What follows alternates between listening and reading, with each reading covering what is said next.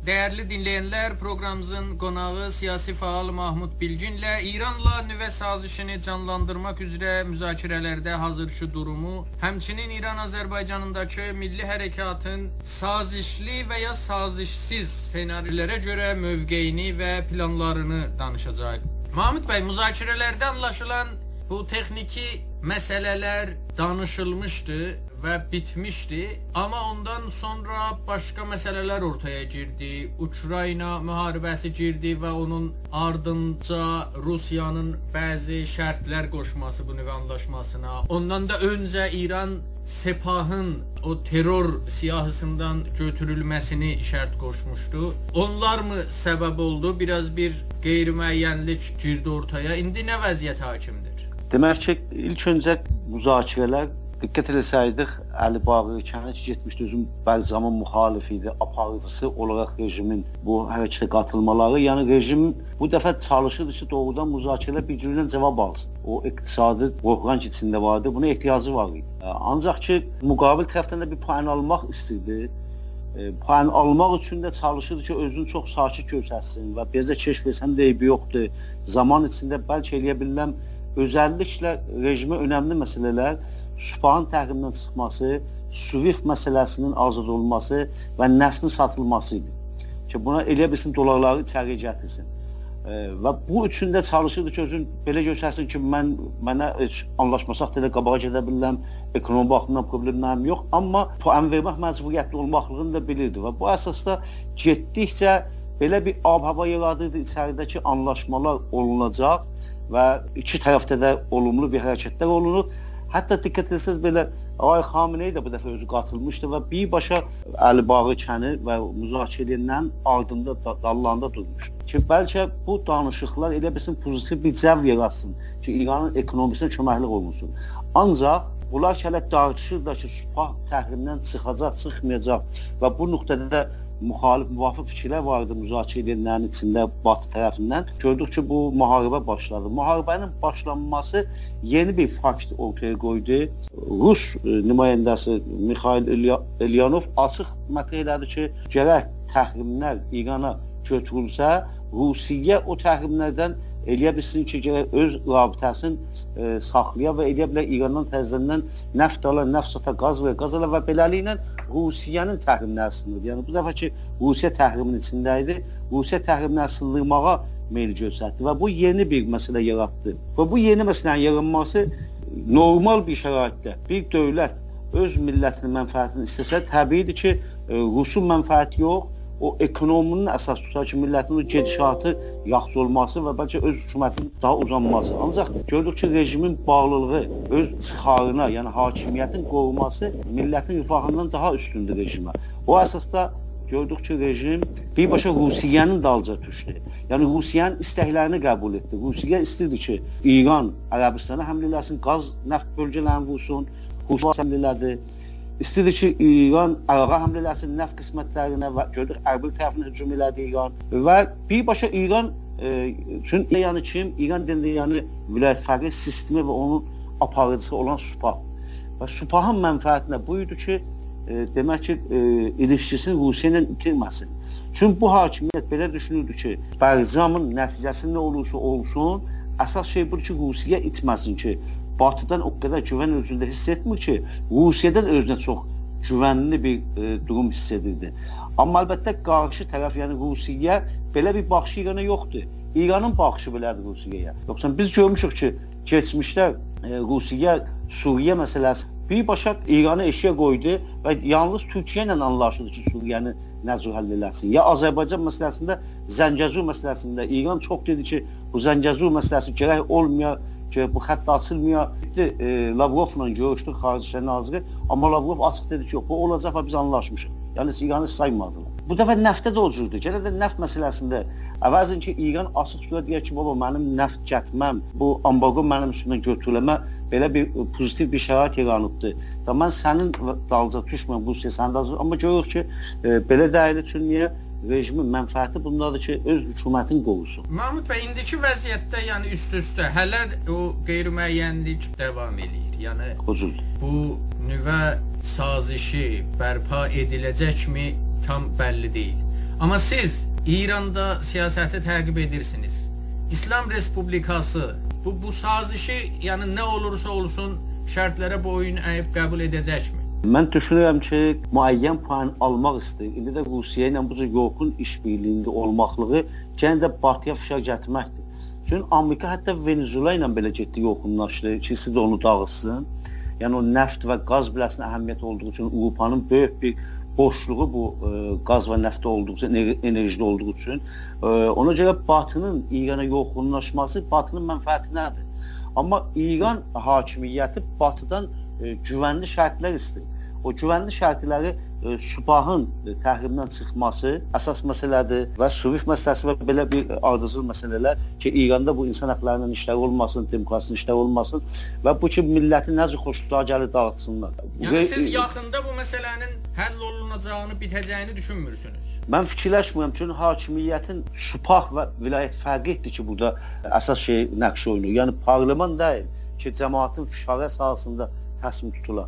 Vilayət fərqi və Supahın mənfəəti burada budur ki, Rusiyanı saxlasın, Rusiya ilə yoxun işbirliyində olsun Batıya qarşı. Batıya güvənmir. Məgər ki, Batıda böyük bir çərxiş oluna, açıq e, Supahı qəbul eləyir ki, təhrimləri götürürəm, İran dediklərini bütün qəbul edirəm. Suriyədə nə iş görürsən gör, Beyrutda, Lübnanda nə iş görürsən gör, Əraqda. Bir də Mahmud bəy, siz də elə təkid edirsiniz, e, vurğulayırsınız Sepah məsələsini. İndi İranda Sepah sadəcə hərbi bir qüvvə deyil. İqtisadiyyatın çox böyük bir bölümü Sepahın və Sepaha bağlı qurumların, şirkətlərin əlində. Yəni Sepahın o terror siyahısından çıxarılmaması bir baxıma elə iqtisadiyyatda da ciddi sanksiyaların qalacağı anlamına gələcək. Tam düz deyirsiniz. Yəni İran Supah deyəndə bir əskəri bölüm deyil, nizami qüvvə deyil. Supah deyəndə İranın ekonomisini tam əlində edən bir qüvvədən söz gedir ki, bu Supah özün həm elə e, Xatəmül Ənbiya bunyadında, Ustanı Quds rəzəvisindən, həm komitə imdadında Beyt rəhbərinin yəni o tamam bu imkanlar ki, bunyad Musa Zəfər olsun, cürbəcür e, funduların içində Supah aparıcı bir nəqş oynayır. Yəni İranın iqtisa- iqtisadiyyatı Supahın əlində. İndi Supah təhrimdə olanda bunlar hamısı təhrimdədir. Batı gərək Supah təhrimdən çıxarda ki, İran nəfəs çıxarda ala bilər. Bu e, İran deyəndə yəni İran rejimi nəfəs ala bilər. Keçmişdə bu davalar var idi və İran rejimi üçün bilirdi ki, Supah o ehtimal yoxdur, azdır ki, təhrimdən çıxar. Ona görə əlavə ki, Rusiya yeni bir şərt qoydu. İran gəldi Rusiyanın dalınca düşüb. Yəni bura kimi belə görünür. Məgər ki, dediyim kimi Batıda bir çərxiş oluna, Batıda bir çərxiş olunsa Nəfqaza çox ehtiyacları qalıb bu Rusiyanın savaşına. Əgər Rusiyanın savaşı uzun çəkər çox və Batı eləyə bilmir bu enerji məsələsini həll eləyə, onda ola bilər ki, e, çox böyük bir güzəştə keçər və qəbul eləyək ki, Supah təhrimdən çıxsın və ambargolar çox azalsın İrana. Onda təbii düşünürəm ki, İran anlaşmaya gedər. İranın sabiq prezidenti Rəfsəncanının qızı Faizə Haşimi özü də yenə sabiq millət vəkili. O deyir Sipahın öz o hərbi mövqelərinə e, çəkilməsi üçün bəlkə də bu sanksiyalar yaxşı olacaq. Əlbəttə mən elə düşünmürəm, çünki mən fikirləşirəm ki, Supaha heç vaxt olmaz ki, e, ekonomidən ayrıyaq deyək ki, bunu biz ayrı hesab bu iqtisadi məsələlərdə qatılmasın, keçsin fəqət əskəri məsələlərə, nizam məsələlərə. Yəni bu təhrimlərin vasitəsilə. Vaqiət budur ki, İran demokratik bir müddətdə deyil, tam e, vilayət fərqi sistem əsasında Supah aparıcı bir nəqş oynayır, iqtisad əlindədir və bunun əlindən iqtisadı aldın, yəni bunyad vilayət fərqlisin zəiflədirsən və İranın bu indiki sistemi zəifləşir. O əsasda heç düşünmürəm ki, e, təhrimlər vasitəsilə Supahın əlindən ekonomi məsələləri almaq olar. Ki, Faizə xanım Rəfsəncanı demişkən, o vasitə fişarla onda ola bilər ki, Supah gəlsin padqanlığa. Supah burada milyardlar mənfəətlər söz, söz gedir. Açıq sözü Əhməd Nicat dedi, dedi bizim bəradəran qaçaqçımız mərzilərdə milyardlar dolar gömrük alıb əllərini qaçaqçılıq edirlər. Yəni Sepahı Supahı dedi edirdi. O da Mahmud bəy, dedi- son olaraq Azərbaycan Milli Hərəkatı, türk fəallar, milli hərəkata mənsub siyasi təşkilatlar istər sazişli bir dönəm, istər sazişsiz bir dönəm üçün mövqeləri nə olmalıdır? Hazırlıq aparılırmı? Bunun üzərində çalışmalar aparılmalıdırmı? Nə deyirsiniz? E, Valla e, düşünürəm ki, e, geçmişdəki kimin Güney Azərbaycan milli siyasi e, fəallar e, birbaşa e, Azərbaycan siyasi təşkilatları necə ki göstəriblər və çalışıblar ki, hərəkət siyasiləşməlidir. Biz siyasi istəklərimizi ortaya qoymalıyıq. E, bu yöndə indi bu ki bu e, anlaşma olsa nə olacaq, olmasa nə olmayacaq. Bunların hamısını dəyərləndirmək gərəkir. Elə bu e, bu da bir e, fürsətdən istifadə edim deyim belə yoxluqlarda neçə gün içində dəyərli e, milli fəallarımızdan tanınmış milli fəalımız cənab Yürüş Mehəlibəyli bu haqqda bir gözəl bir yazı yazıb yayıbdı. E, ki anlaşılsa nələr olunacaqdı. Amma mühüm bir nöqtə vurğulayıb ki, bu e, bütün siyasi təşkilatların da istəkləridir, dedikləridir. O da bu ki, bizim milli hərəkat birbaşa nə olursa olsun siyasiləşmə yolda addım atmalıdır. Və bu siyasiləşmə yolda vahid bir şüar, yəni azadlıq, ədalət, milli hökumət deməyi biz mehvəri bir məsələyə çevrilməliyik. E, ta bizim bu hərəkət ki, indi biz aparıcı bir gücük Güney Azərbaycanda. Amma Güney Azərbaycanın içli alanında aparı, aparıcı bir gücük. Ekonomi məsələsində, işsizlikdə, e, cəmaətin min dənə e, bəlalar ki, baş üstündə əsir o, o məsələlərdə e, biz də meydan oxum oxumağı ba başarmalıyıq rejimə. E, və cəmaətimizin siyasiləşməsi bizim təkcə çıxış yolumuz olmalıdır. Yəni bu əsasda milli hərəkətimizdə e, düşünürəm ki, bunun üstə söhbətlər çox gedir.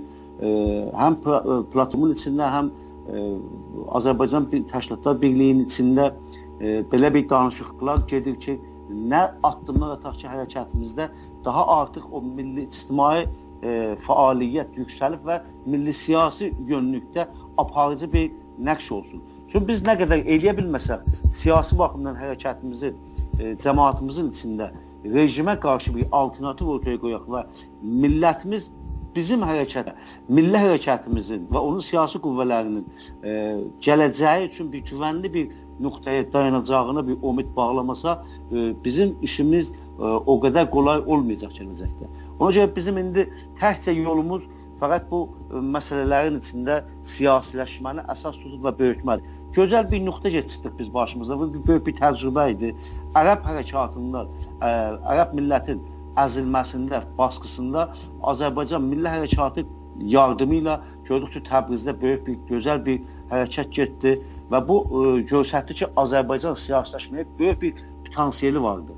İndi isə o məsələnin davamında e, birbaşa biz ekonom məsələlər ki, indi rejimin ən mühüm məsələsidir. Yəni rejim anlaşa da bu məsələdə, anlaşmaya da bu böhran iqtisadını həll eləməyəcək, eləyə bilməyəcək. Yəni re- rejimin mahiyyətində deyil.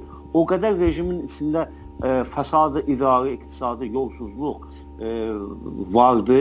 Rejimdə mahiyyətində yox ki, eləyə bilər bunu həll eləyə. İndi anlaşılan bir müəyyən bir qısa bir imkanı olacaqdı, amma zaman içində biləxə yenə təzədən millət qalxacaqdı. Hər halda bizim bizə bir fürsət var ortalıqda yenə də öz müqəddəratımızı təyin etməklikdə milli fəallarımızın tək-təkli siyasiləşməyə və vahid və birlik əsasında, vahid şüarla, o həmin şüar ki, e, işarə etdim və keçmişdə də mətbuh olunmuşdu. Azadlıq, ədalət, milli hökumət əsasında biz elə biləcəyik ki, e, siyasi möh və nişanımızı vurub və e, istəklərimiz doğrultusunda böyük bir başarı əldə edək.